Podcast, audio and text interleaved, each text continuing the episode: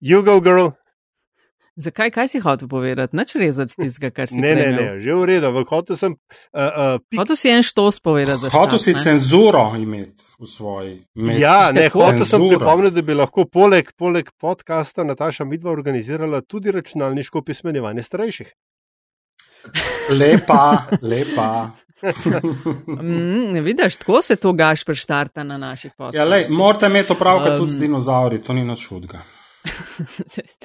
Smo vsi, veš, v tem lončku, bazenčku. Da, um, ja, Met in čaj je pač podcast o medijih, dobrih in slabih praksah, novih tehnologijah in trendih prihodnosti. Gosti v medijih delajo, z njimi živijo in o njih razmišljajo, in uh, Met in čaj tudi uči, kaj in kako podcastati. Um, čeprav se zdi, ali, mislim, ni zapleteno, ne, snemanje nadaljavo, ampak vedno kakšen izziv. Tako res ne gre enostavno vedno. Glej, Doskrat ne. kot ti bo vedel povedati vsak, ki je delal ne, z ljudmi, je prvo vprašanje, hej, zakaj to meni ne dela? Ne? In potem, kaj ti ne dela? Ja, to. Tako da pa se pa pet.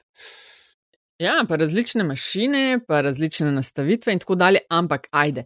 Um, v tej epizodi metinega čaja, česa se lahko nadejate, uh, več boste izvedeli o uh, medijski, kaj je to skupina, ali bomo že izvedeli kasneje, Al Jazeera Balkans. Uh, z nama bo je Gašpr Lubej, ki nam bo zalažen povedal čisto vse.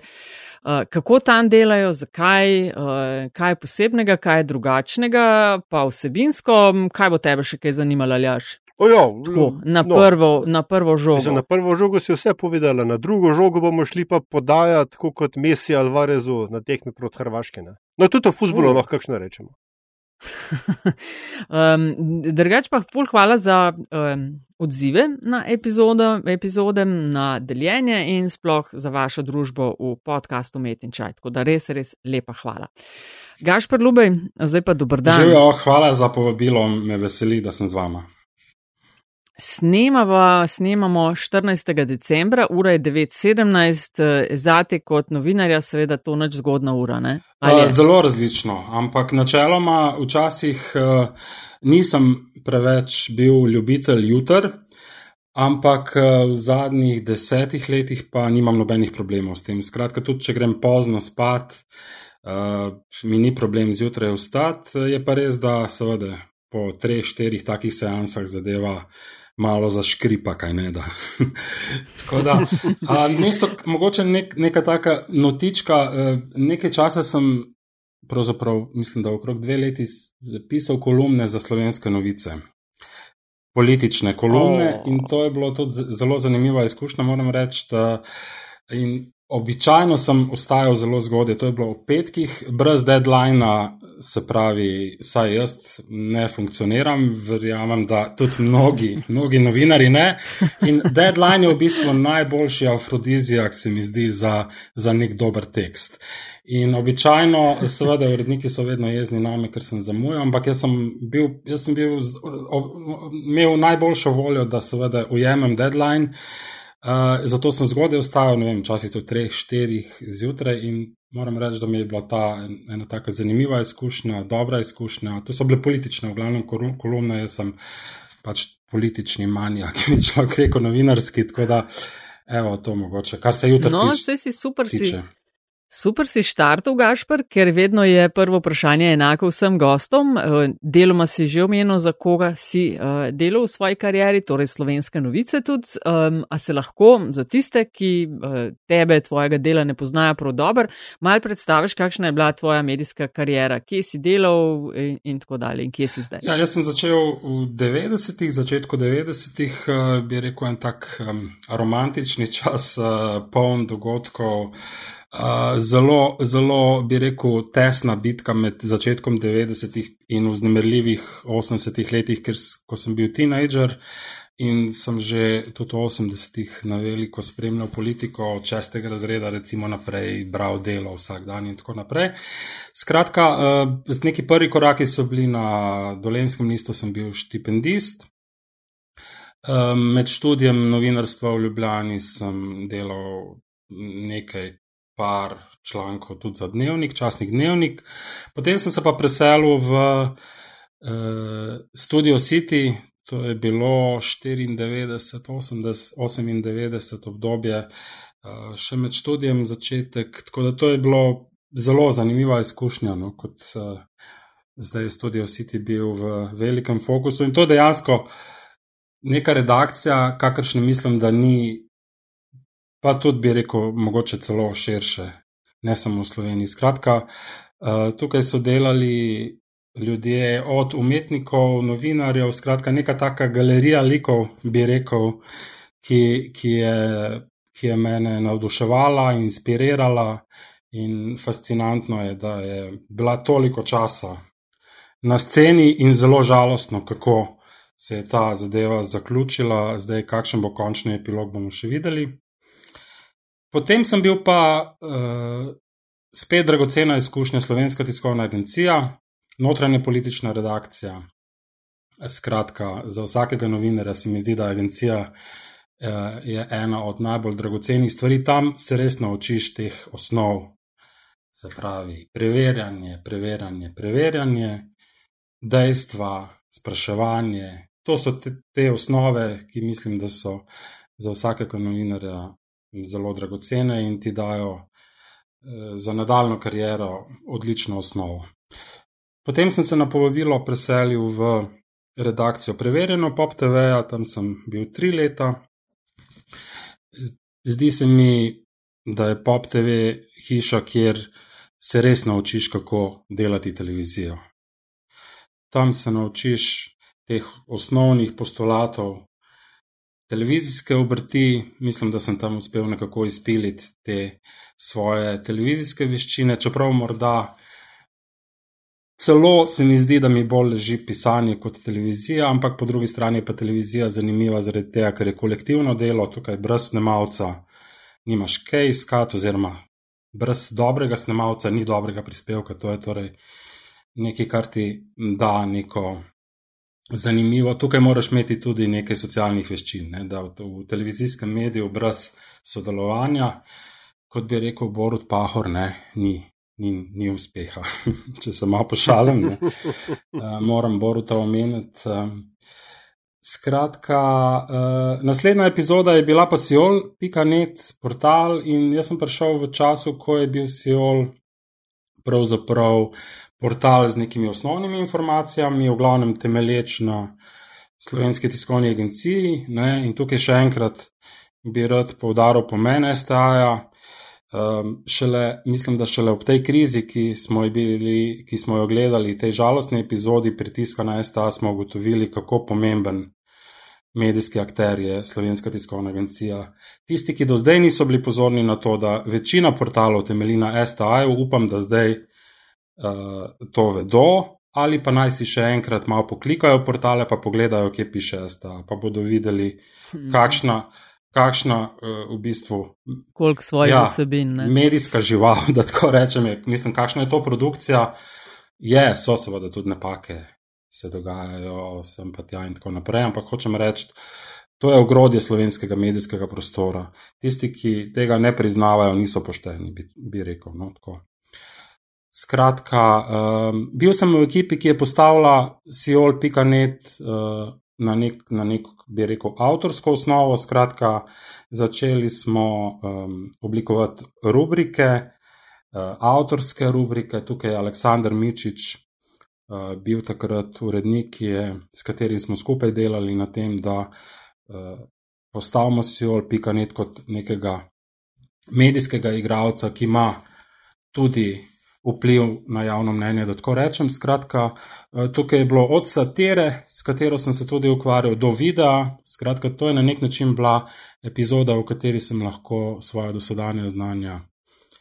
Uporabo, se pravi, od videa do pisanja vesti, do satire, do komentarjev. Skratka, tako lepa epizoda, odlična ekipa. Eh, to se mi zdi tudi pomemben del novinarskega dela. Kakšni ekipi delaš? Če je ekipa dobra, če je tukaj prostor za neko, za neko zebancijo, če malo grše rečem, če je tukaj uh, prostor za argumente, tudi za kreganja, mislim, da je to pomemben del.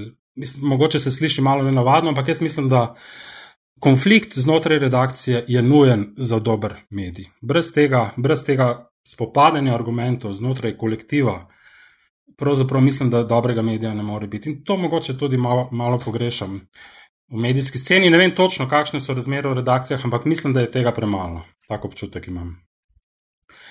Uh, to, A si, uh, uh -huh. ja, oprosti, samo še to, no, po, hočem reči, samo še podobno je bilo tudi, um, uh, kar se tiče tega kolektiva, um, tudi na STA in tudi tam sem res, moram reči, užival v, v tej debati. V, imeli smo tudi, postavili smo tudi recimo uh, te sindikalne zgodbe tam, oziroma zastopstvo smo ustanovili, kar se je kasneje izkazalo za zelo dragoceno, ne, da smo v bistvu postavili nek, eh, nek novinarsko skupnost eh, znotraj STA, ki se je potem v kasnejših obdobjih eh, tudi borila za to, da je ta agencija ostala profesionalna. Ker to ni bil ta, ta lansko letni napad, ne, ni bil prvi, ki smo mu bili priča. Uh, povej, ali jaš mogoče, če si hotel intervenirati. Ne, hotel sem samo, pri, sem samo pripomniti, da um, je tako, tako zelo impresivna karijera. Manjka ti kaj, radio, pa časnik.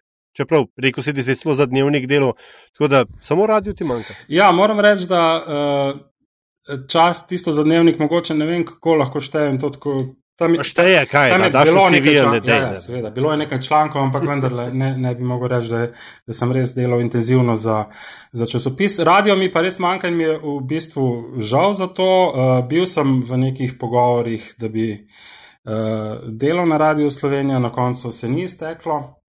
Um, skratka, radio je. Pa še nekaj ti manjka. Povej. Pa še nekaj. Skoraj posod si bil, ja, nova, ne? A, to je pa, to je pa izziv. To, to pa, pa je res za kasneje. Velik kdaj, izziv, ki pa ne vem, če sem okos. to je pa mislim, da. Izvolite. Ja, uh, tako da, no, skratka, vse zdaj smo pa že proti koncu, skratka, Siol net. Uh, po Siolu sem ostal brez službe. Uh, bil sem freelancer, se pravi samostojni novinar, uh, začel sem sodelovati z Reutersom kot fixer iz Slovenije.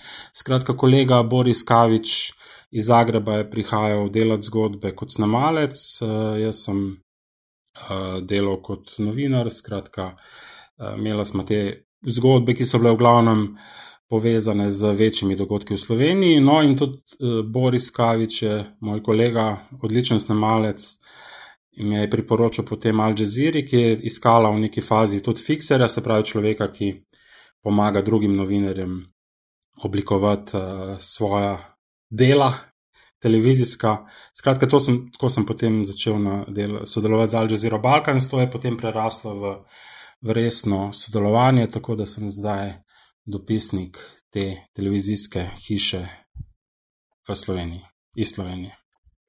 Pa i šire, no, kot bi rekli. No, uh, Al Jazeera Balkans. Um, zdaj, Al Jazeera kot uh, kaj je to, medijski konglomerat? Tako je, je... To, je medijs, to je medijska mreža, svetovna. Ne, bi lahko rekli, kaj, kako bi lahko to. Recimo, v novinarskem smislu bi jaz najlažje to primerjal z BBC-em. Um, včasih se hecam, da je to arabski CNN. da, no, sej, ja. Ker, ker od, um, pač HQ je v Dohi, tako je. v Katarju. Je. Ja? Uh, ampak um, pač v našo, da rečem, kolektivno zavest pod Alpami je stopila v uh, času druge iraške vojne. Ne? Če sem zdaj nekako prav si zapomnil. Velja, velja, se pravi, od 96. leta je prisotna ta medijska hiša na svetovni sceni. Ne? Ok, ja. evo, še kaj, skoraj deset let prej sem jo pomladil. A, ampak kako in kdaj je prišla Al Jazeera na Balkan, uh mhm. -huh. zakaj Al Jazeera Balkans in sem malo si že povedal, pa vendarle, zakaj si se ti v končni fazi odločil, da bi delal z njimi in za njih? Ja, pravzaprav uh, Al Jazeera je slavila deset let, se pravi, to je bilo 2011. leta, je prišla. Eh, na Balkan. Enostavno, se pravi, to je neka tradicija, se pravi, televizija je že nekaj časa obstajala. Skratka, um, enostavno videli so nek prostor, kjer bi lahko dobili z neko profesionalno televizijo, ki uh, dela po profesionalnih standardih, na nekem prostoru, ki ima neko skupno zgodovino. Uh, zanimivo je, da pravzaprav ima uh, malo drugačen koncept in bila je prva, ki je s tem konceptom neke regionalne televizije prišla na ta prostor.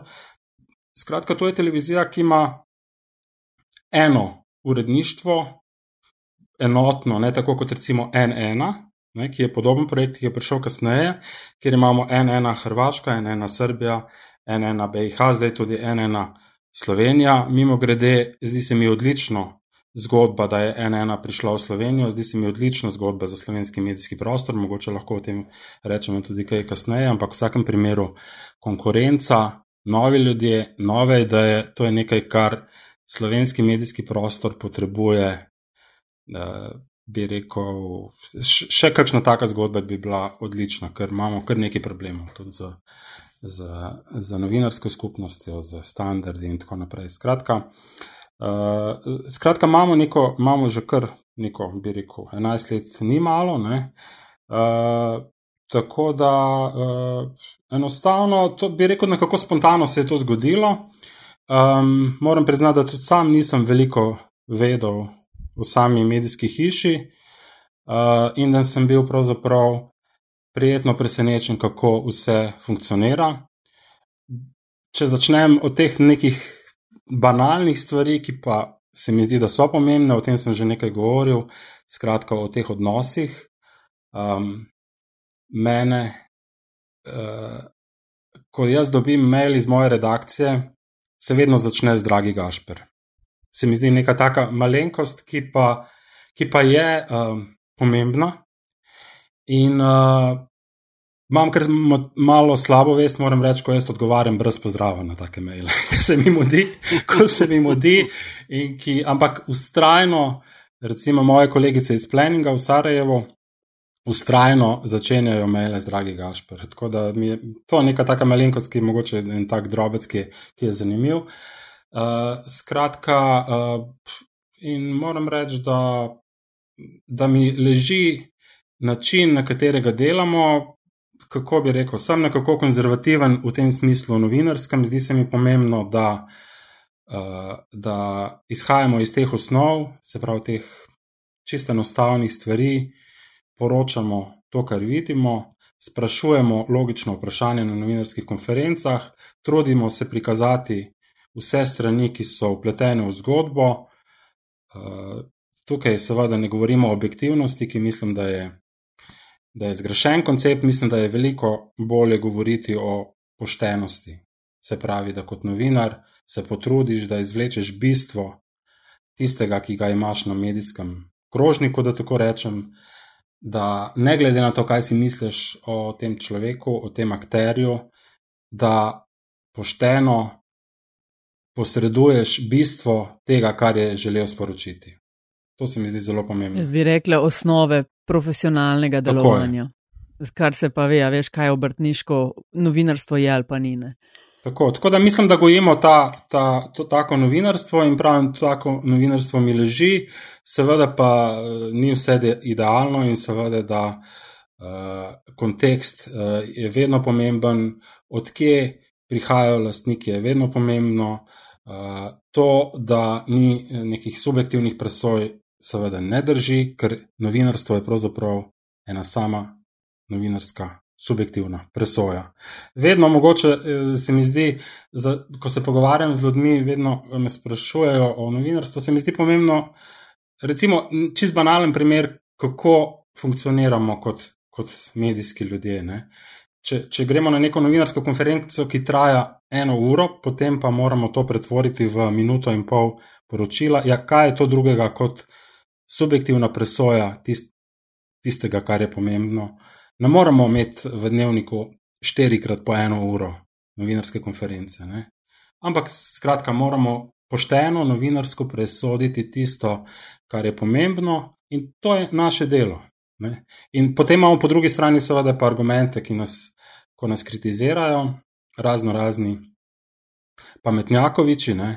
Ja, pa nisi povedal to, mhm. pa nisi povedal ono, pa zakaj pa nisi tega dal notri, zakaj nisi onega. Ja, zato, ker sem ja, tako ne moreš zmagati. To. Presodil ja. in zato, ker je to moje delo in ti ne boš govoril, govoril o tem, kaj je tisto, kar je, kar je pomembno, ampak bom jaz se odločil in bil poskušal, kot sem rekel, biti pošten in seveda se pri tem tudi delajo napake, vsi imamo slab, slab dan, smo slabe volje, zjutraj ostali na levo nogo, tako da je pa fino no? in se mi zdi pomembno, da priznavamo tudi svoje napake. Tukaj se mi zdi, da imamo še kar velik dela. No, no da je, ki si vsebinsko govoril, kaj pa um, zanima Al Jazeera Balkans? Ti pač pokrivaš Slovenijo, kar se dogaja iz Slovenije za, njihov, za njihovo mrežo.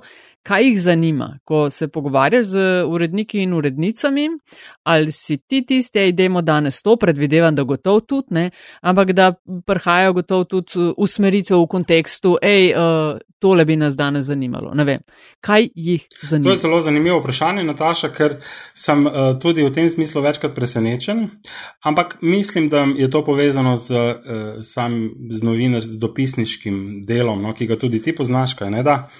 Skratka, uh, ne, uh, kako dojemamo uh, neko realnost, neko, neko dogajanje.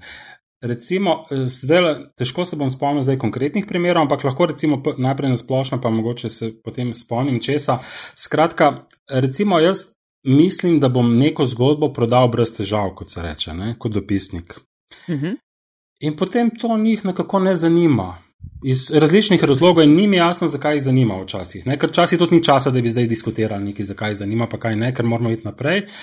Ker je, ker je to. Po drugi strani, pa dobivam včasih kakšne predloge, kakšnih tem, ki pa njih strašno zanima, meni pa ni jasno, zakaj jih to zanima. Ne? Tako da, eh, in potem se, seveda, tukaj se uskladimo, če se meni zdi, da ta predlog nekako ni izvedljiv, rečem ne.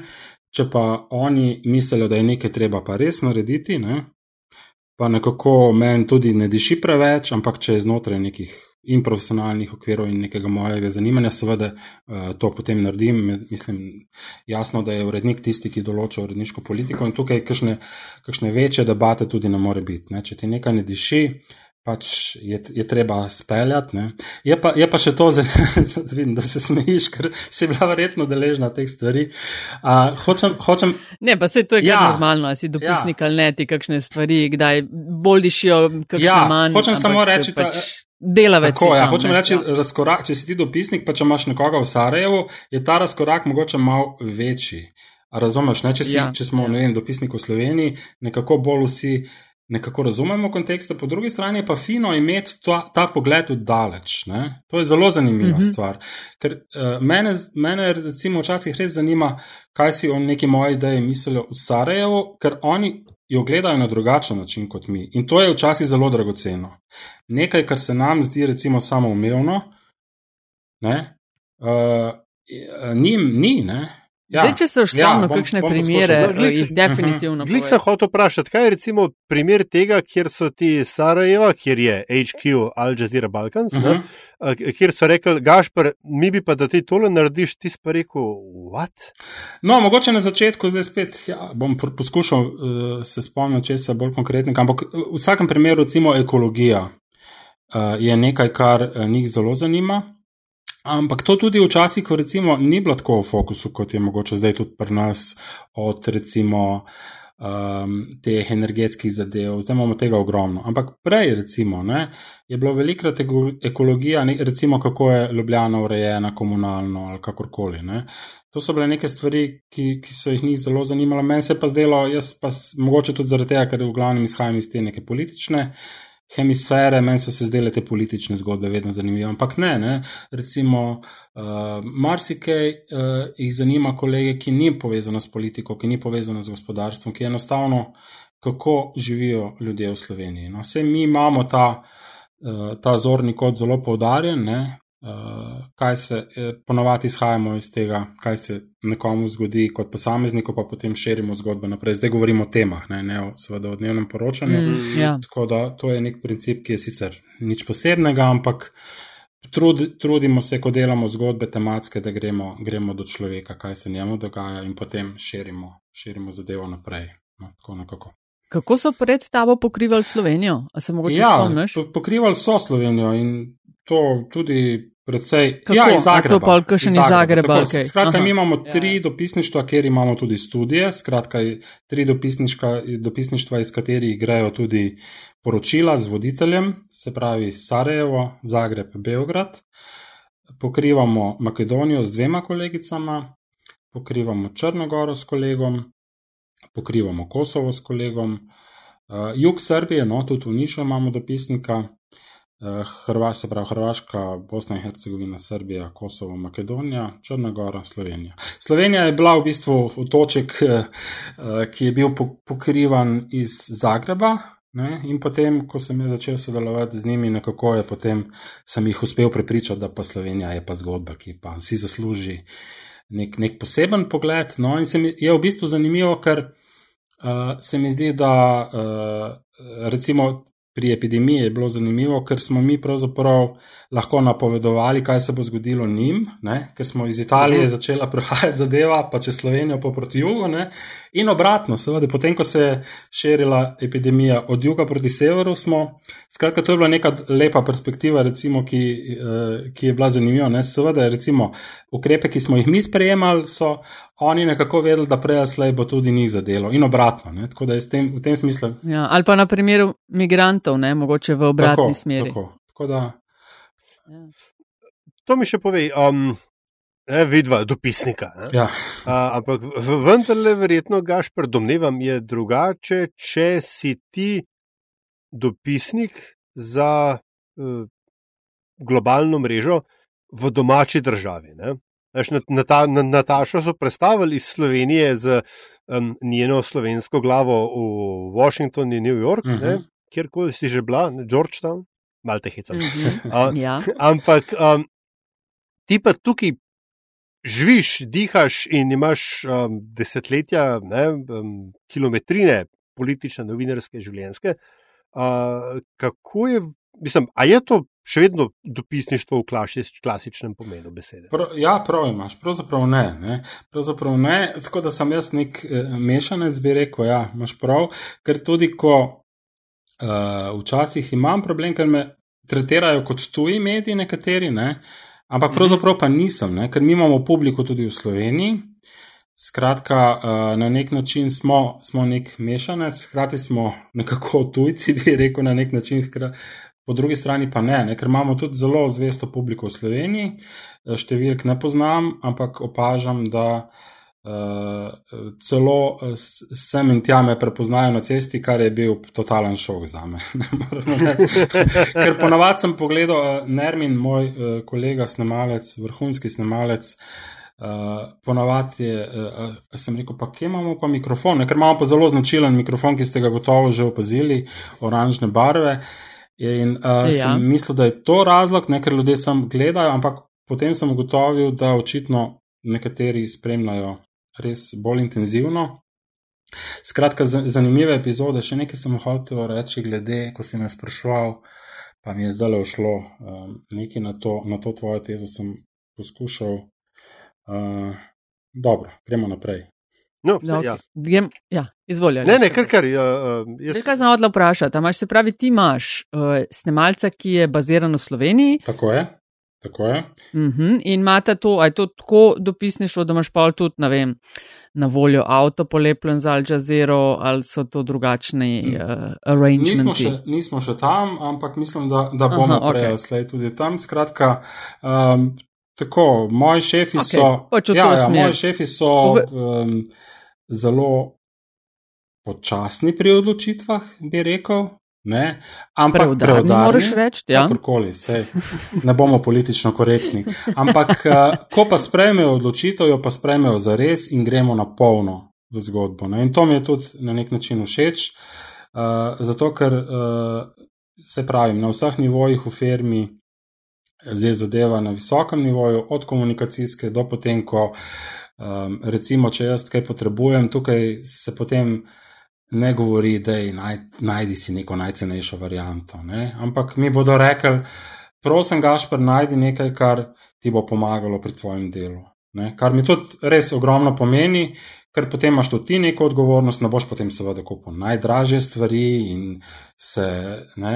ampak boš, boš potem tudi, če, ima, če imajo oni tak odnos, boš tudi eh, potem tudi ti uh, se trudil, da imaš korekten odnos. Uh, do svojih delodajalcev. No? Tako da to se mi zdi tudi zelo pomembno.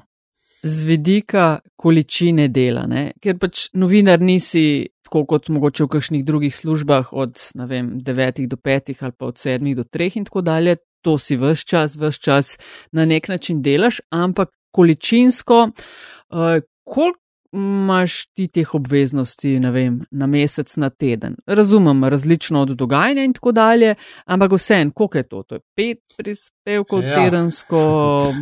Ja, v bistvu ni nekega pravila. Ne. Ja, zanim, pravzaprav vedno več. No? Se mi zdi zanimivo, ker uh, začeli smo tako relativno skromno, mogoče eden do dva. Ne? Ampak potem je na teden. Tako, ja, ampak potem se je zadeva sploh z epidemijo. Ne? Epidemija je bila res pretres, velik tudi za me in za, in za Nermina, kolega Snemalca.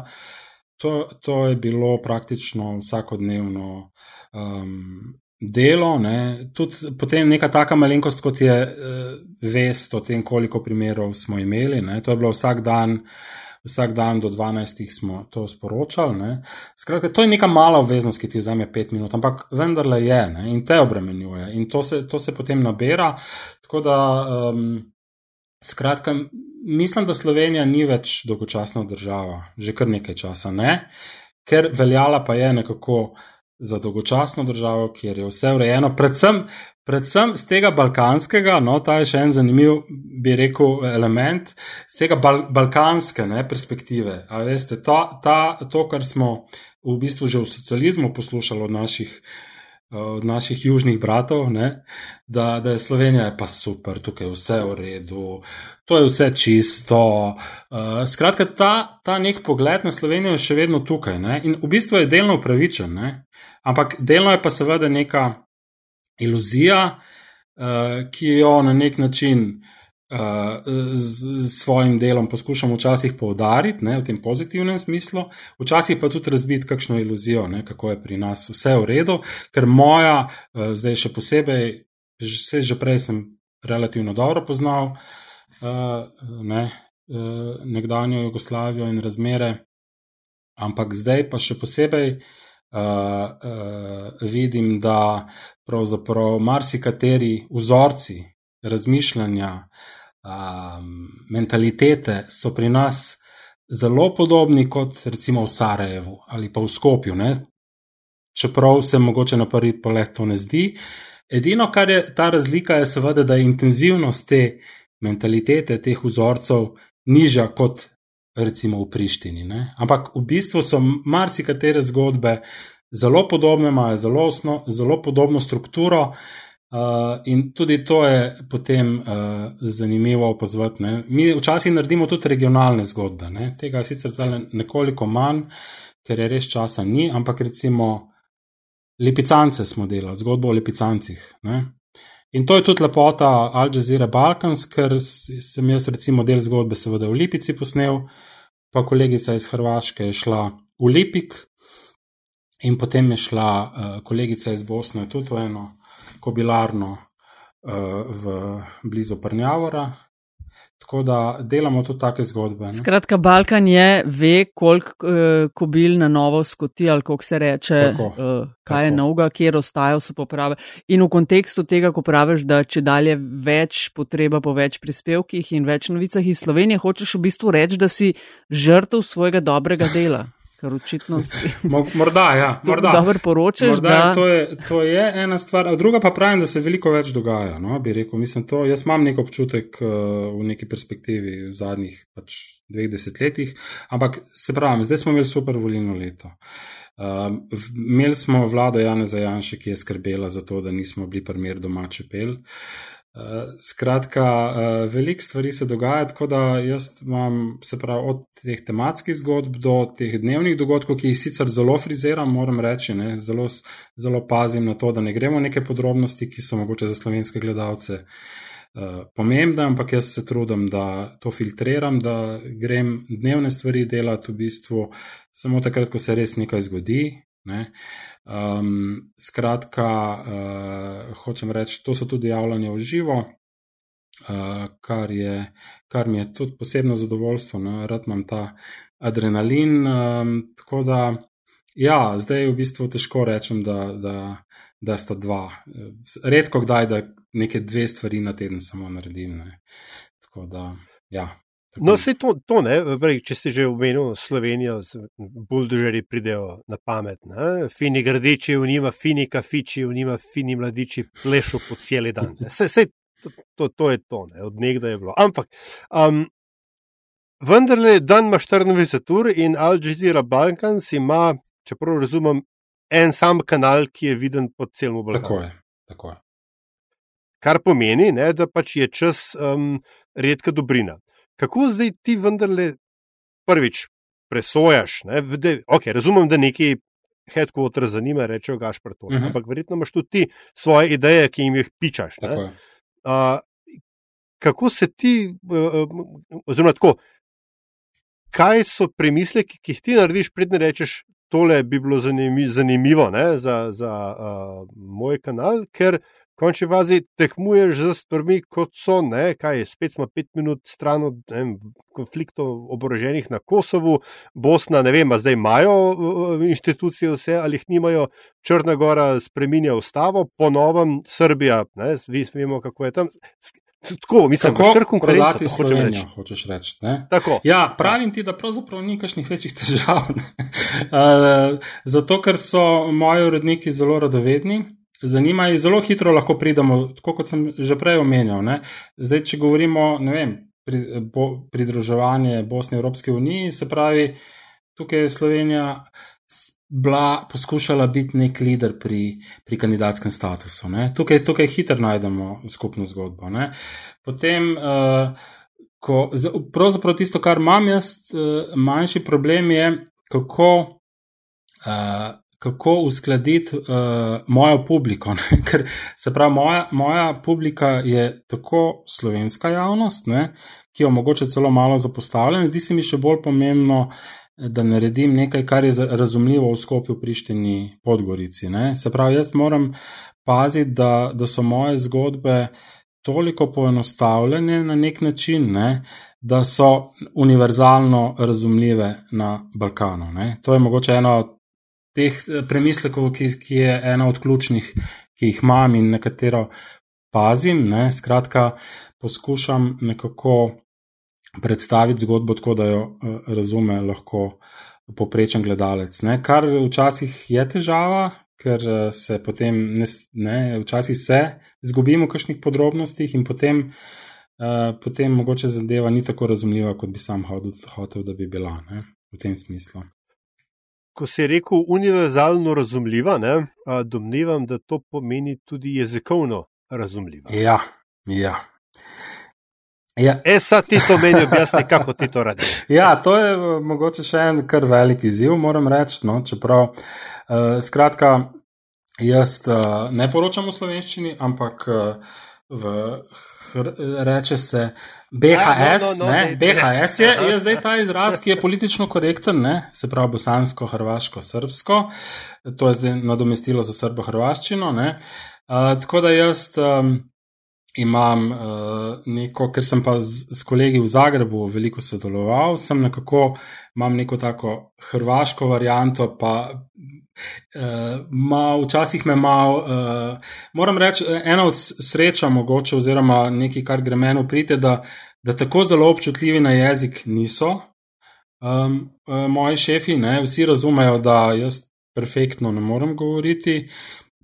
Um, tudi uh, kolegice v Skopju vidim, da imajo včasih podobno težavo, kakšna beseda jim ujde, ampak mislim, da v glavnem nas ljudje razumejo. Mogoče je to celo uh, nekaj, kar, um, kar uh, je v bistvu simpatično, si upam predstavljati, ne, da recimo ni popolnoma perfektna. Ljudje vejo, da mi tukaj živimo, da, ne, jaz konkretno, da sem pač slovenec in da prinašam neko avtentičnost tudi, tudi v bistvu z jezikom, ki ni perfekten. No, tako rekel. Pa se kako pa lahko je nekaj perfektnega, kar je miks treh? Ja, no, se to ni v bistvu pač, kako bi rekel, idealno, idealno vsak, bi bilo, da bi eh, jaz se pač recimo držal hrvaščine 100%, kot se da. Ne? Ampak enostavno tudi v tej, eh, bi rekel, hitrosti in tako naprej, ni, ni pravzaprav časa, mogoče bi. Bila idealna varianta, da bi, da bi šel k lektorju. Zakaj pa hrvaščine? Govorim pač nek, nek, zakaj pa ne bosanščine pač ali pa nekaj si moraš izbrati, ne, ker je neka razlika. Aha, tist, kar je, pa tist najbolj. Ja, tako Aha. bi rekel. No. Tako da ta jezik je, je nek izziv. Um, uh, Pri pisanju imam tudi nekaj težav, recimo, jaz uh, včasih se res sprašujem, kako bi, recimo, ko stojim v čakam na to, da se bom uživo vključil. Ne. Si prav zanima me, kako bi to izgledalo, če, pač, če ne bi imel te, te jezikovne um, dodatne overe na nek način. Ne. Um, uh, kako bi recimo to v slovenščini izgledalo, ali bi imel bistveno lažje delo ali ne, ni nujno. Ne? Ker dru, drugače kot pravim, poročanje v živo mi je, mi, je, mi je super, res je ta adrenalin nekaj posebnega in mislim, da relativno dobro to speljem. Včasih zmanjka kakšna beseda in potem moraš nekako se znajti, ampak se pravim, ponavadi nimam kakšnih večjih težav. Tudi če, tud če iščem kakšno besedo, najdem neko drugo, v živo je nekaj, nekaj posebnega, ker v bistvu te sam ne, ta, ta, te dve minute, ki jih imaš, te, te v bistvu odnesejo, nekako splavaš in splavaš. Nekako, ne. Malo je seveda tudi odvisno od tega, koliko ti to leži in koliko ti ne leži. Uh, skratka, ta, uh, sem, kar, kar se pa tiče pisanja tekstov, no, moram reči, da me to nekako, nekoliko zaustavlja. Ne. Jaz moram sem pa tja pogledati, kako še en slovarček ali pa gremo Google Translate. Ampak v glavnem hočem reči, tekst teče, ampak je kar frustracija včasih, ko pišeš in se ti mudi in ne najdeš besede. Ne?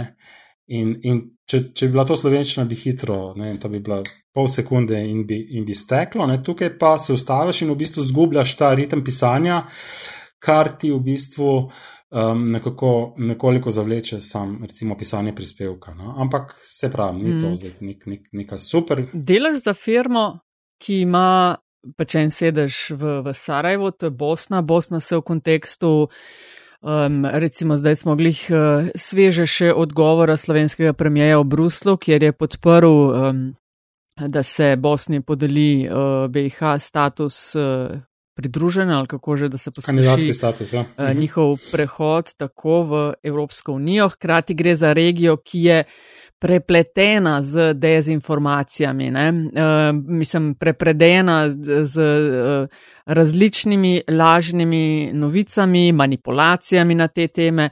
Uh, kolik, pom, mislim, koliko pomemben uh, fact-checking za Al Jazeera, koliko te um, klukajo po ramenih, a si preveril, prever. Uh, klasični fact-checking prispevki in tako dalje. Ja, zdaj, če govoriš prav fact-checkingu v smislu, um, da bi imeli človeka. Še bolj preverjanja delstev. Ki bi, ki ja. bi prav se s tem ukvarjal na Al Jazeera Balkans, ne, mislim, uredniško pač mi pregledajo zadeve. Je pa res, da uh, z vojno v Ukrajini se je to nekoliko spremenilo, predvsem kar se video tiče. Tukaj pa imamo prav poseben, sicer mislim, da v Dohi, ne, skratka naši. Uh, če naši pride, mi smo tudi dopisniki, mislim, uh, poročevalce iz Ukrajine, ne, naše, se pravi Al Jazeera Balkans. Tukaj se je recimo dogajalo, da so, eh, če je kolegica našla nek posletek, so ga poslali recimo v doho, prav v fact-checking, ali je to vse ok ali ni vse ok. Skratka, drugače preverjeno dejstvo seveda namenjamo veliko pozornosti. Um, hočem, nisem čisto pripričan, če si me hotel vprašati prav za kaj posebnega. Ampak... Ma, v bistvu čist kakšen faktor je, ne? ker si, a veš, če bi nekdo poročal iz ene, ne vem, norveške ali pa teh skandinavskih držav, kjer so, kar se tiče medijev, zasedajo vedno prva mesta, ti, kar se tiče neodvisnosti uh -huh. in tako dalje, ne? Balkan je pa daleko od tega. Ne? Ja, ja se pravi, del... mi, mi smo, bi rekel, konzervativni. No? Na nek način. Skratka, recimo, mogoče, če malo primerjamo z ena, mogoče bomo mi uh, rajši počakali, tudi kašen dan, če je treba. Ne. Skratka, mm, uh, nam ni tako. A sem jaz eno bodico? Ne, ne, ne, ne, ne, ne, ne, ne, ne, ni ne? to bodica, to je samo pač način, način poročanja dela.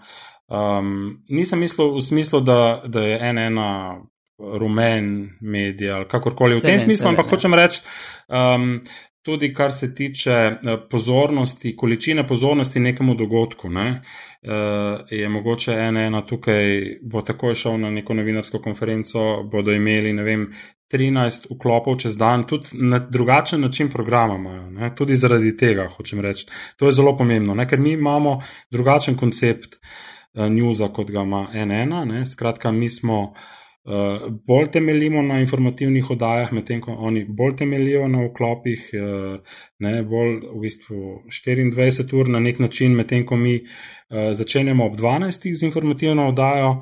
Uh, in potem imamo ob dveh, ob treh, ob štirih, ob šestih, ob osmih, ob dvaindvajsetih in ob polnoči.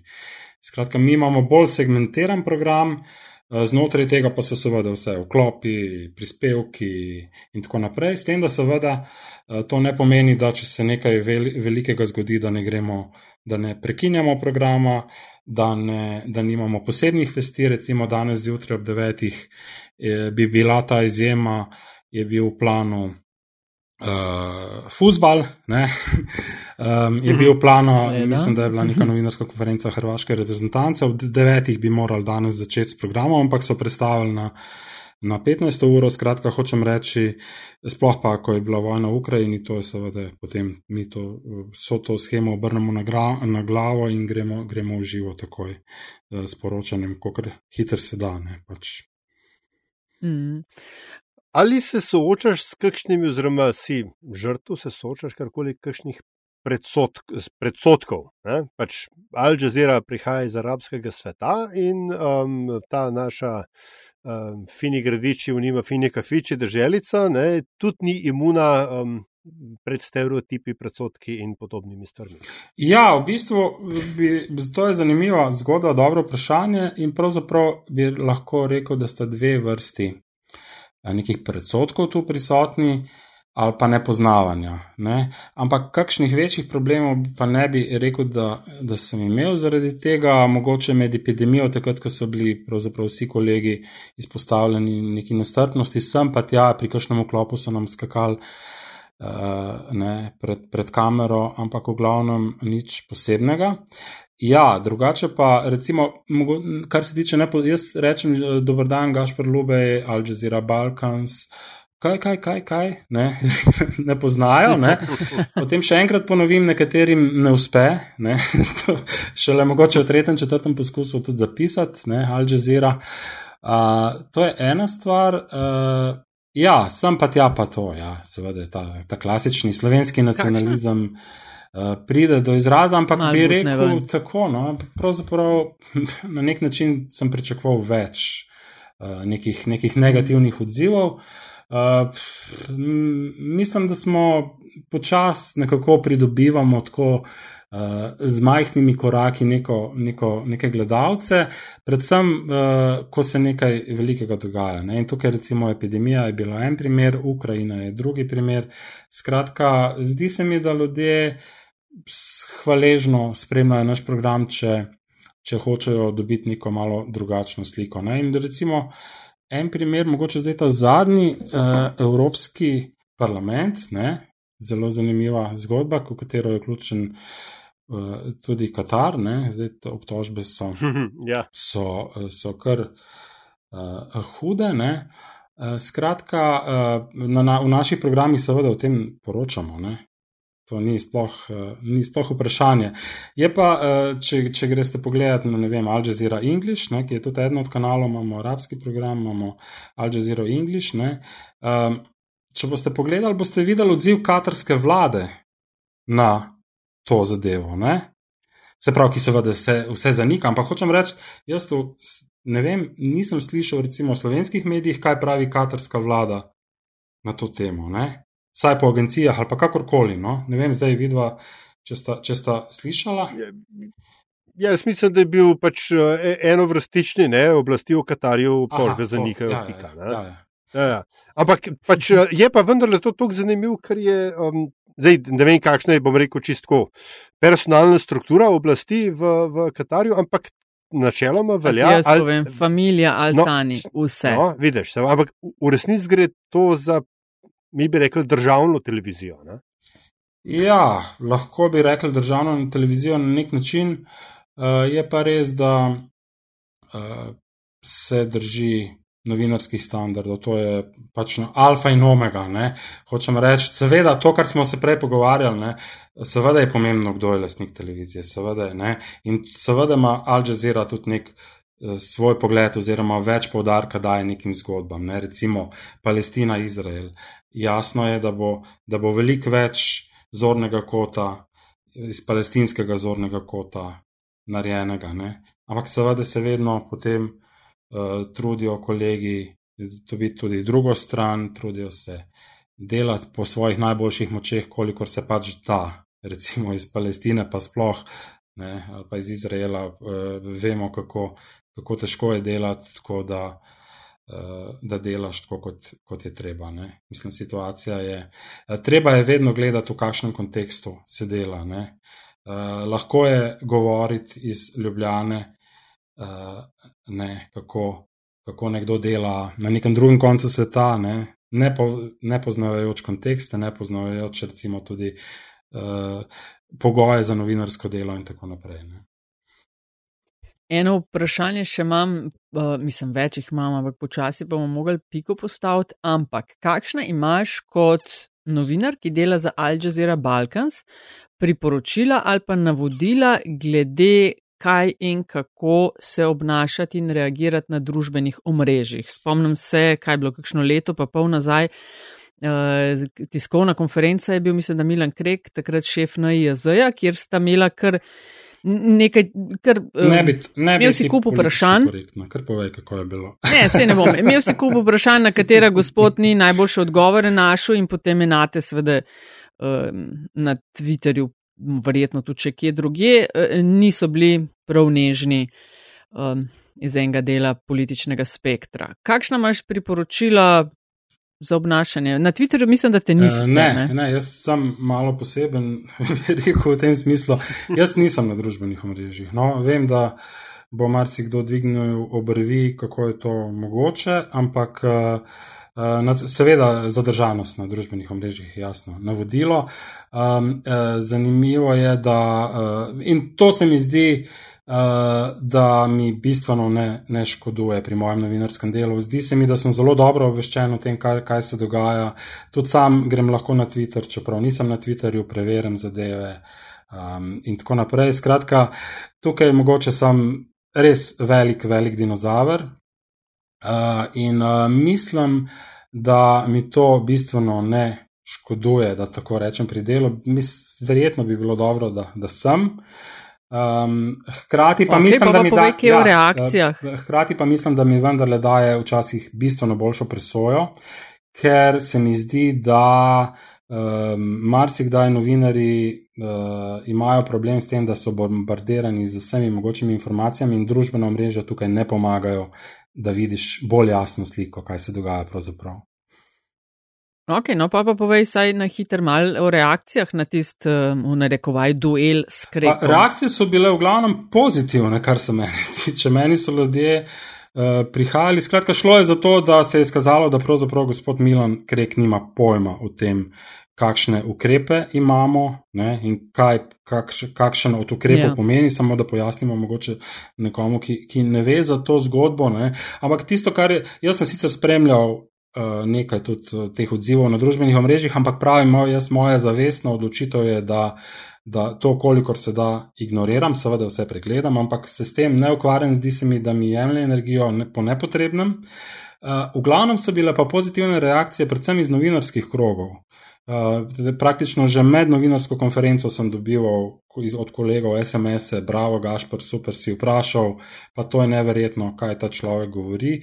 Skratka, tukaj ni šlo za nek. Um, uh, Milan Krek je sicer to doživel kot nek moj osebni napad na njega, tudi potem po novinarski sem stopil do njega in uh, imel sem občutek, da je on to doživljal kot osebni napad. Enostavno je šlo za, za vprašanja, Eh, kako priti do informacije? Namreč, zelo pomembna stvar, tako v tistem času, je to smo že malo pozabili, ne, mejni režimi. To so bile za mene zelo, zelo pomembne informacije. Jaz sem moral svojim gledalcem sporočiti, kakšni so pogoji za to, da oni recimo pridejo v Slovenijo. Ali pa kako lahko eh, eh, recimo delovci imigranti odidejo iz države. Ne. To so bili veliki problemi. Se, se pravi, malo smo že pozabili, ampak mm -hmm. ljudje yeah. so ja. bili zaklenjeni, ne, niso mogli do svojih uh, družin, recimo v Bosno in Hercegovino Berlinu ali pa kamorkoli.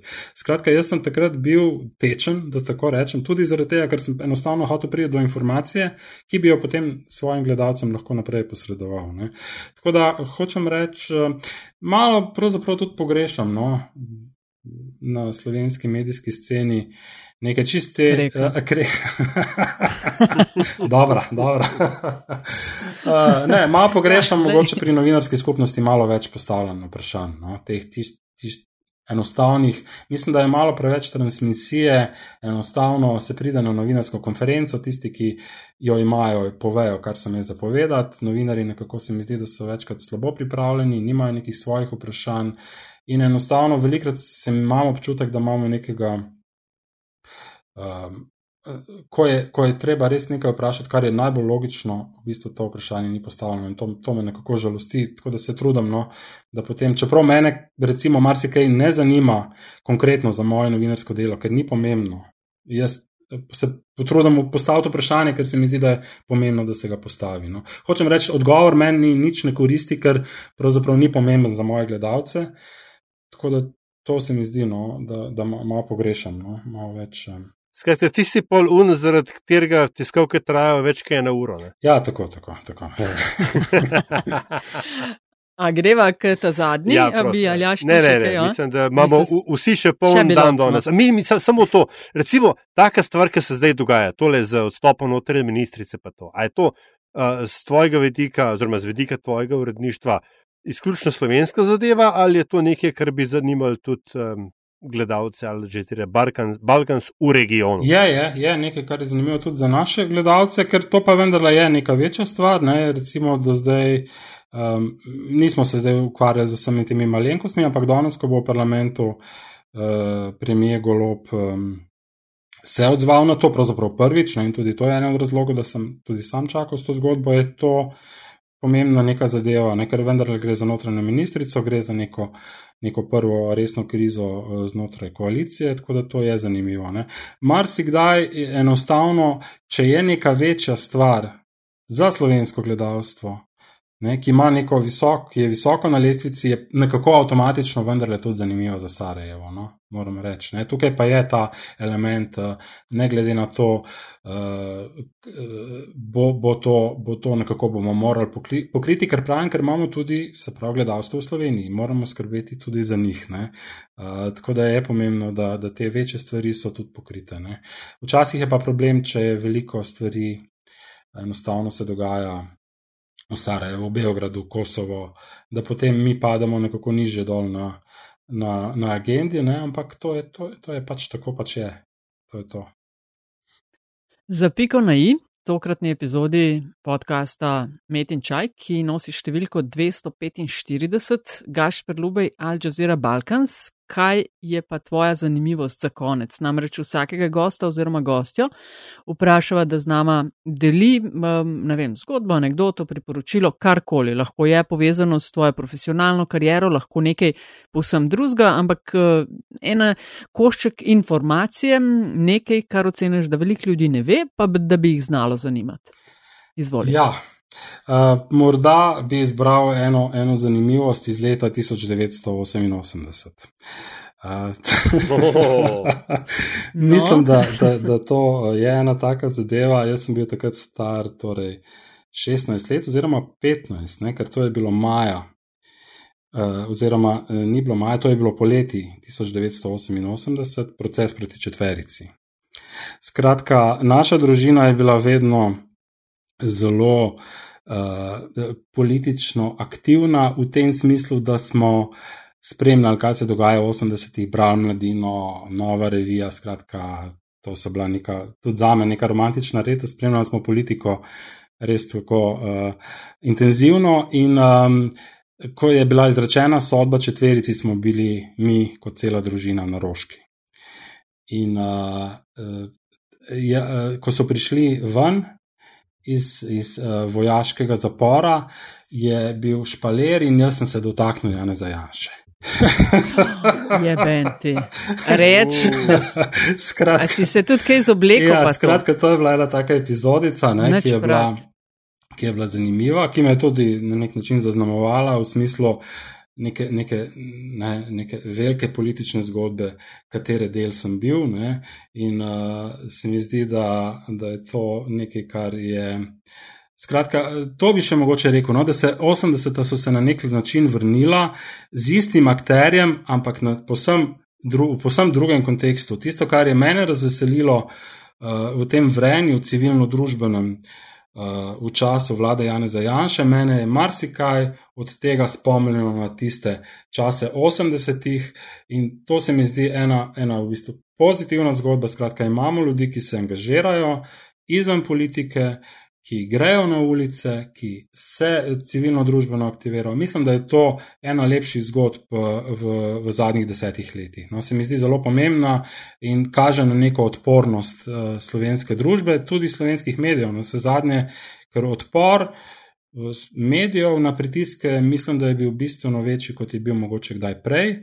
Uh, skratka, ob vsem tem mojem, vendarle, precej kritičnem stališču do do medijske scene v Sloveniji. Um, mislim, da je premalo, kot sem že rekel, spraševanja, eh, debat, eh, konfliktov, debat eh, med, med kolegi, kritik, samo kritik in tako naprej. No. Ampak mislim, da, da je to neka pozitivna zgodba. No. Ej, Gašpr Lubej, Al Jazeera Balkans, najlepša hvala, da si bil gost metinega čaja. Hvala, da ste me imeli. Z veseljem. Držite. Čau.